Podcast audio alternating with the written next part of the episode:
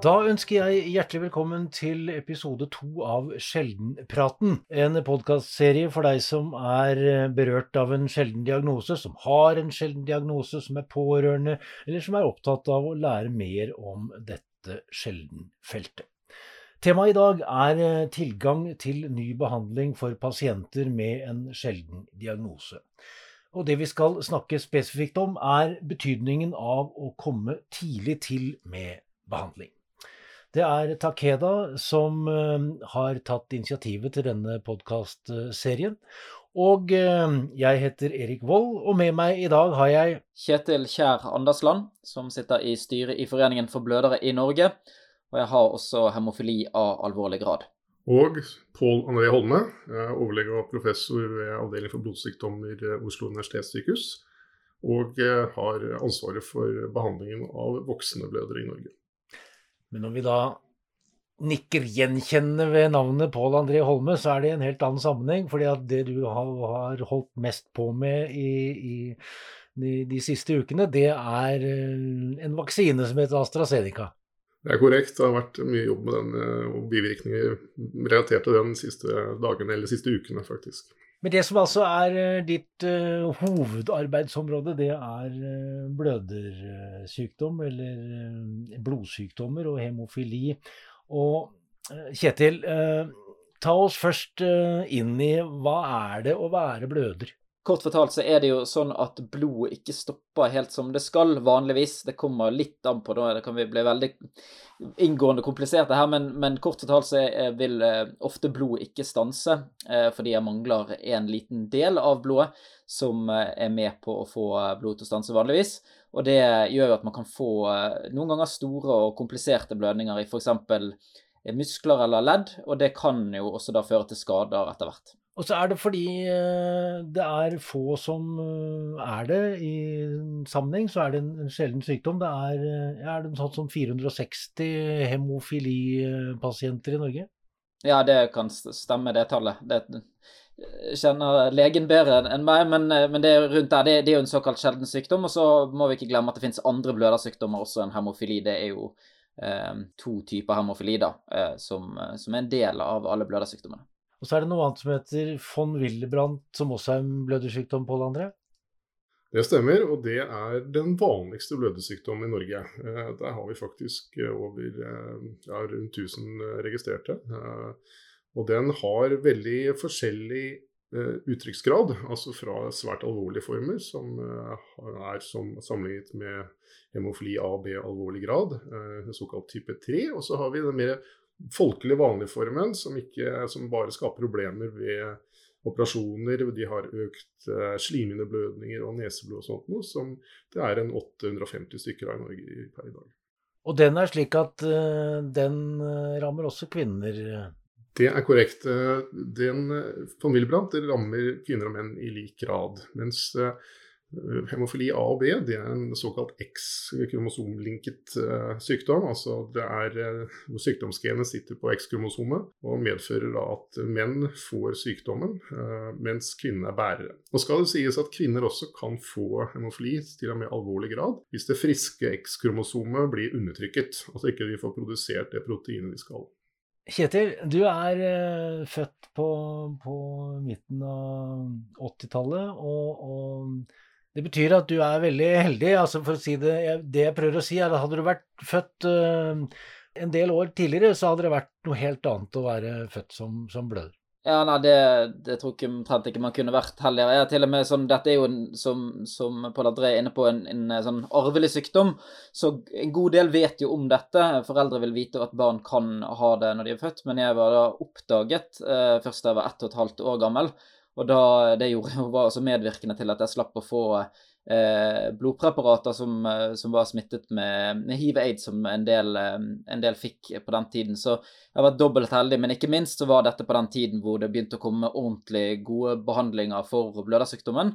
Og går du noen tiår tilbake, så har du jo eh, blødere som kunne få, få, veldig store skader i, i ledd og muskler, som gjorde at de f.eks. måtte bytte ledd, eller også mistet førligheten på, på, mange måter. Sånn at eh, den generasjonen som jeg tilhører, altså har vi f.eks. da jevnaldrende med meg som nå har fullført Tour de France eller har vært på toppen av Mount Everest, og det ville være dårlig science fiction på 60-tallet. Og det er helt korrekt, Kjetil sier her, fordi at faktisk, hvis vi går Eh, bare 100 år tilbake i tid så var forventet levealder for en alvorlig blødersykdom den var ikke mer enn 12-14 eh, år. Og de kunne dø av småting, sånn som å bite seg i tungen f.eks. For, for de hadde ingenting å få blodstansning med. Så går vi opp til, faktisk opp til 1960-tallet, så var ikke mer enn forventet levealder eh, mer enn 20 år i det tilfellet heller. Og de som Kjetil nevnte, så hadde de svære leddskader. Og det er først og fremst leddene knær, ankler og albuer som blir affisert, for de er såkalte vektbærende ledd.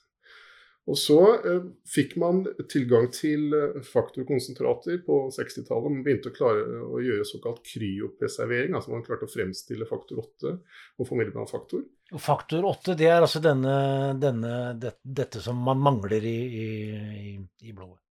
Helt korrekt. For hemofili A er det faktor 8, og for hemofili B er det faktor 9.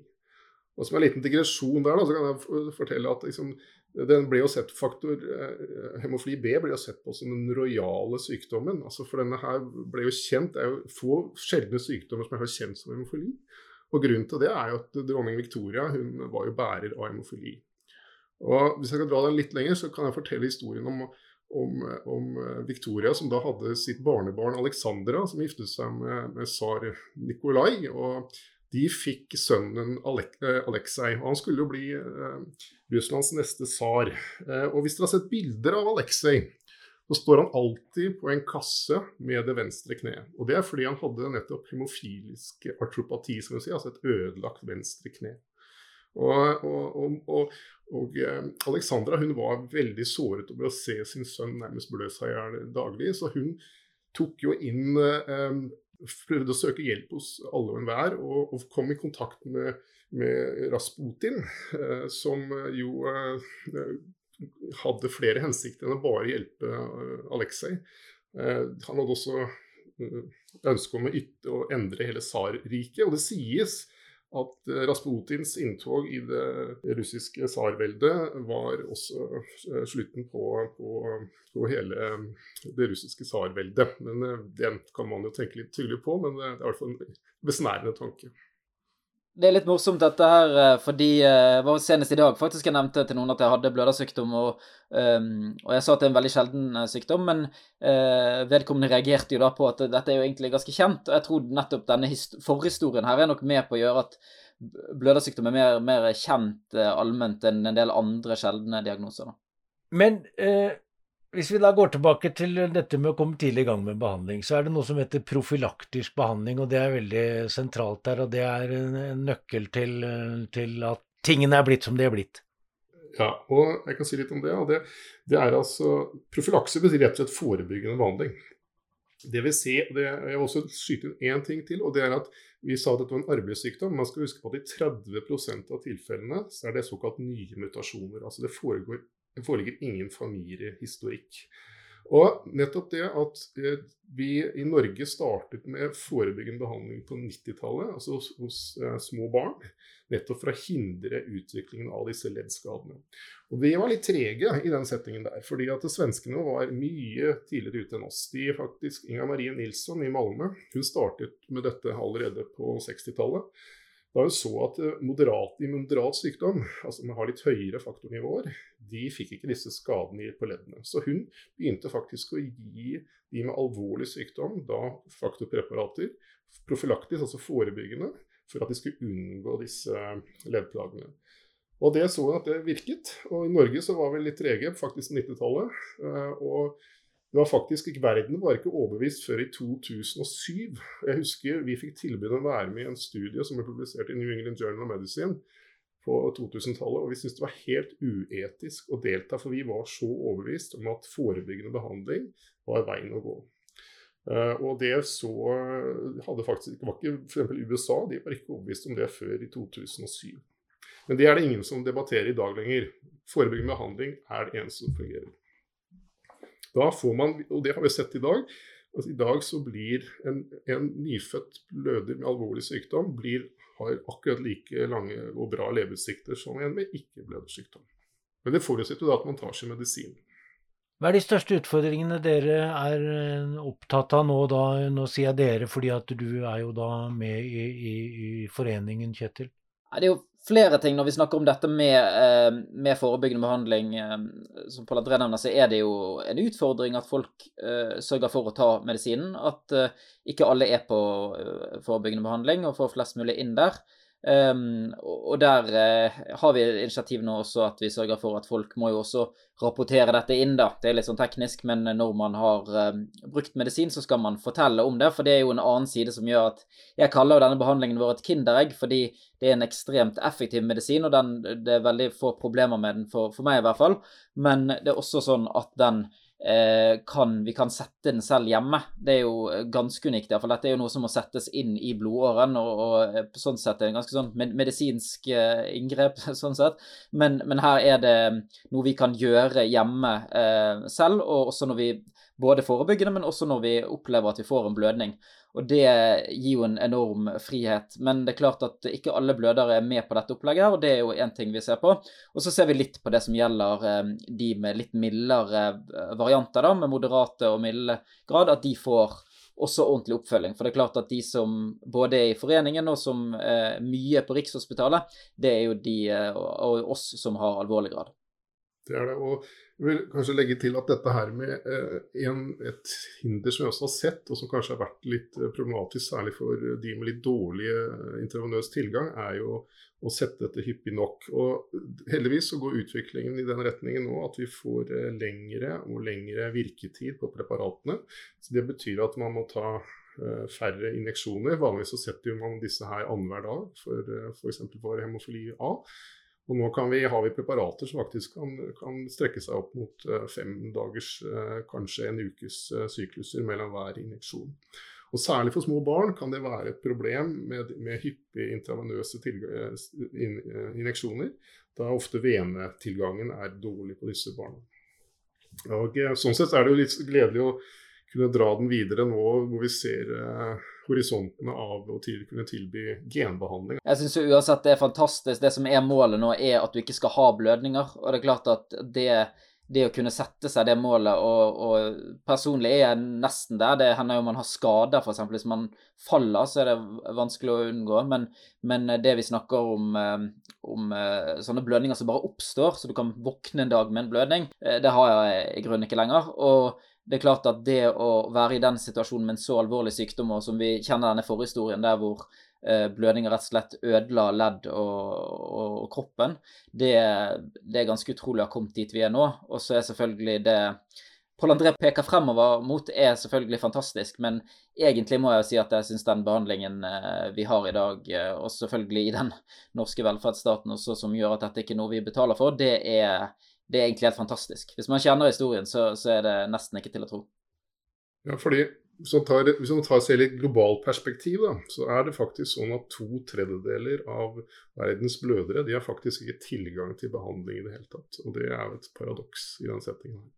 Ja, det, det, er veldig viktig det å se på det internasjonale. Vi, vi engasjerer oss mer der også etter hvert i, i, foreningen. og Det er klart det er noe av det verdensforeningen som arrangerer denne hemofilidagen, som, som er nå eh, den 17. Eh, april, er eh, å legge fokus på det at, at vi sørger for bedre og bedre behandling for alle i hele verden. For det er klart at dette er jo dyr medisin, og det gjør at, at særlig i fattigere land så er det vanskelig å tilby godt nok. Og det med, med profylakse, forebyggende behandling, det er jo veldig vanskelig å få til i, i fattigere land. Hvordan markeres for øvrig den dagen, 17. april, den verdens internasjonale hemofilidag? Her i Norge så er jo bl.a. deltakelse på denne podkasten en, en, viktig ting for oss. Og så um, deler vi jo litt informasjon fra Verdensforeningen. I, i, I, år har de lagt fokus på litt av det som handler egentlig om den pandemien vi, vi alle står oppe i, og som også har preget bløderbehandlingen, i hvert fall i resten av verden. Jeg vil si at uh, for de fleste av oss her i Norge så har det egentlig gått uh, ganske knirkefritt. Jeg har ikke opplevd noen problemer med leveranser eller, eller noen ting. og vi har fått oppfølgingen som normalt fra Rikshospitalet. Men, men i mange land har det skapt problemer med pandemien. Så det å tilpasse seg til den nye normalen er det som Verdensforeningen vil sette fokus på. Og vi kommer selvfølgelig til å spre informasjonen gjennom våre kanaler om det. Når vi snakker om uh, sjeldne diagnoser, Pål André, så er det jo veldig ofte dette her med, med, med å få, få, tilgang til ny behandling. Det er snakk om at det er små grupper, naturligvis, at det ligger jo det at de er, er sjeldne, at det er dyrt å utvikle nye medisiner osv. Men, men, men altså innenfor dette feltet, eller denne sykdomsgruppen her, da, blødere, hemofili, så, så ser det ut som, som tingene fungerer veldig bra. Eh, hva er det, hva er det si, som kan overføres til de som sliter mer, eh, fra, fra, deres erfaringer? I Norge så har vi hatt en veldig bra organisering. altså Det kan høres litt paradoksalt ut, men vi har liksom ett senter som har satt seg inn for å spesialisere seg på blødebehandling. Og Det kan synes rart hvis du bor i Finnmark og skal ha behandle legen din i Oslo, men Derfor har vi hjemmebehandling. Og jeg tror at eh, jo mer kunnskap, jo mer erfaring man har med en tilstand, og jo mer man kan følge med på eh, hva er ting som skjer uh, internasjonalt også, så kan du yte en bedre behandling for dine pasienter. Så jeg henstiller til mer nasjonale sentre, og jeg ser at trenden også i Europa går jo i retning av større sentra med mer ekspertise. Ikke bare fra fra lege- og sykepleierhold, men også fra tilbudssidene, altså støttefunksjoner rundt som fysioterapeuter, andre spesialister som må inn, altså psykososiale ting osv. Så, videre. så det tror jeg er eh, veien å gå. Hva har du å si til, til de som har andre typer diagnoser, eh, Kjetil? Nei, altså jeg tror bare det, det er viktig for oss uh, i foreningen og, og selvfølgelig uh, helsevesenet at, at, vi sørger for at alle får et best uh, mulig tilbud, og, og at et like godt tilbud. Ehm, så er det jo dessverre sånn at jo, jo mer eh, sjelden man er, eller jo, ehm, jo, færre det er av en type, så er det vanskeligere å, å sørge for at det blir eh, like godt. Men eh, jeg tror at for oss i foreningen så er det nok viktig det å, ta, å huske på alle gruppene, i hvert fall. også huske på de mindre alvorlige ehm, alvorlighetsgradene. Og så er det en siste ting jeg vil nevne, fordi det er jo som vi har sagt, hemofili har dominert mye bevisstheten, tror jeg, rundt det med å være bløder. og at det ses på som en, en gutte- og en mannesykdom, men at det er mange kvinner med blødersykdom, eh, både med von brann, og, og, til en viss grad også har vi da de som, heter, de som er bærere, det vil jo si kvinner som fører hemofili videre, som kan ha lavere faktornivå, og i noen sammenhenger, f.eks. operasjoner eller andre ting, så kan de også ha utfordringer som kanskje ikke fanges alltid like godt nok opp. Så det, det er nok det å, å, på en måte se alle og ikke, ikke bli for sneversynt på, eh, på, det vi alltid har gjort. Si litt mer om dem, Pål André, altså om kvinnene. Jo, det er helt riktig som Kjetil sier her. Altså, dette med, som sagt, De fleste bærere har, skal jo da ligge omtrent på halvparten av det vi andre ligger på, altså rundt 50% i faktornivå. Men dette friske eh, X-kromosomet det kan da bli undertrykket, slik at vi kan få kvinner som har faktisk alvorlig blødersykdom, ned mot eh, veldig lave verdier. Og De trenger behandling akkurat som menn med moderat og alvorlig blødebehandling. Er det sånn at kvinner kan, kan være bløder uten å egentlig vite om det? Det kan de. Og kjennetegnene der er jo at de har eh, kanskje, ikke kanskje, men de har økte menstruasjonsblødninger, de har for uh, unormalt store blåmerker, de, får, eh, de kan få slimhinneblødninger i større utstrekning, som gjenspeiler seg i form av neseblødning etc. Så hvis man er i tvil om det og syns at dette her er uh, unormalt mye, så bør man kontakte sin fastlege for å få tatt noen prøver i forbindelse med det. Kan menn være blødere uten å være klar over det? Ikke alvorlig, det tror jeg i hvert fall over lang tid. Da, da, vil du jo merke at noe er alvorlig galt. For min del så var det jo når jeg begynte, var treig med å gå, da, men begynte å, å labbe rundt, så, så, gikk jeg selvfølgelig inn i et møbel, et, en aviskurv, tror jeg det var, og fikk en vanvittig eh, blødning i munnen som bare ikke ville stanse. Eh, så det vil man jo oppdage, eh, vil jeg nok si tidlig. Men, eh, men, det er klart, har du mildere eller, eller mm, moderat eller blødersykdom, det vet vi at det er en del som, som kanskje ikke finner ut før noe, noe, spesielt skjer, da man havner i en ulykke eller, eller man, eh, man, skal opereres osv. Så, videre. så det kan jo være litt skummelt. Um, og vi vet vel det, for Pål André arresterer meg hvis jeg tar feil, at, at det er sannsynligvis en del flere eh, milde og moderate blødere som vi ikke har kartlagt, på en måte. Så de som er i foreningen, er jo hovedsakelig alvorlige. da.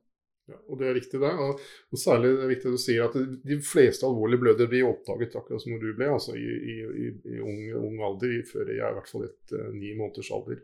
Uh, mens vi har en del menn som, uh, som faktisk gjennomgår kirurgiske inngrep plutselig i 30-40-årene, og som da har en mild sykdom, og som har hatt litt økt blødningstendens, men har liksom ikke merket seg noe særlig med det men får til dels alvorlige blødninger fordi man gjennomgår et kirurgisk inngrep og man ikke var klar over det på forhånd. Så Derfor er det viktig å huske at ikke noe kirurgisk inngrep er for lite til at det skal gis profylakse eller forebyggende behandling for å unngå blødning i en operativ setting. Det er viktig at det når ut til, til, til de som har det, og også deres behandlere. Slik at man er, tar høyde for det før man skal gjøre selv mindre ting som tanntrekninger etc. Mine herrer, vi nærmer oss uh, slutten, men uh, vi begynte med å være litt innom covid-19 og, og, og, vaksine og, og håper å si din andre jobb, eh, Pål André. Men det, vi har jo hatt et år og drøyt det som har preget oss alle på, på, på veldig mange, mange, måter. Hvordan har covid-19 påvirket livet i tillegg, eventuelt for dere, Kjetil? Nei, jeg må kanskje mest snakke for meg selv, men jeg må jo si at det har gått veldig, veldig bra. Jeg har fått eh, Jeg får jo ikke nok med at vi får denne fantastiske medisinen eh, og kan sette den hjemme, den blir jo levert på døren. Så det har gått eh, helt som normalt og fått, fått det jeg skulle, så det har ikke vært noe problem med det. Jeg har også vært inne på Rikshospitalet til oppfølging som normalt. Så det har gått helt knirkefritt, egentlig, må jeg si. Så vet vi at det har vært kanskje litt usikkerhet, og du opplevde litt selv også om, om, det ville få konsekvenser. Så kanskje det ble mer eh, en, en, slags psykologisk belastning, da. Men som sagt så har dette gått veldig fint, så jeg tror de fleste har vært betrygget av det. Og så har det også vært en del diskusjon nå nylig om vaksinen, da. Og det har jo en slags relevans eh, til det Pål André har jobbet med, at dette handler jo også om blødninger som man har sett som bivirkninger, og, eller mulige bivirkninger. Og det er klart at der har det vært en del usikkerhet blant uh, en del blødere knyttet til dette. Det, så, så fremt uh, situasjonen er som nå, så vil det ikke det være relevant. Men, uh, men, det er klart at den vaksinen er et spørsmål, men vi vet jo nå, vi får klare um, beskjeder fra um, myndighetene og fra Rikshospitalet om at vi skal ha vaksinen som normalt når vi får tilbudt den, og den skal settes på normal måte. Ja, det er helt riktig. Og det, men det som er viktig å si samtidig, det er at de med blødersykdom, eh, om de skulle få covid, så har ikke de noe økt sykelighet enn andre hvis ikke de har de tilleggsrisikofaktorene som vi kjenner fra før. Men det er litt ekstra å tenke på i forhold til dette med vaksinering. F.eks. de som er på forebyggende behandling, skal ta en forebyggende dose før de setter eh, vaksinen etc. Da sier jeg hjertelig takk til deg, Pål André Holme, og også til deg, Kjetil Kjær Andersland. Sjeldenpraten episode to er slutt. Dersom du har forslag til tema som du ønsker at vi skal ta opp i denne podkastserien, så sender du en e-post til no.sjeldenpraten alfakrølltakeda.com. Jeg heter Erik Vold. Eh, vi er tilbake med en ny eh, sjeldenprat, eh, hvor vi skal snakke mer om tilgang til ny behandling for folk med sjeldne diagnoser. Men det blir altså en annen gang. Takk for nå.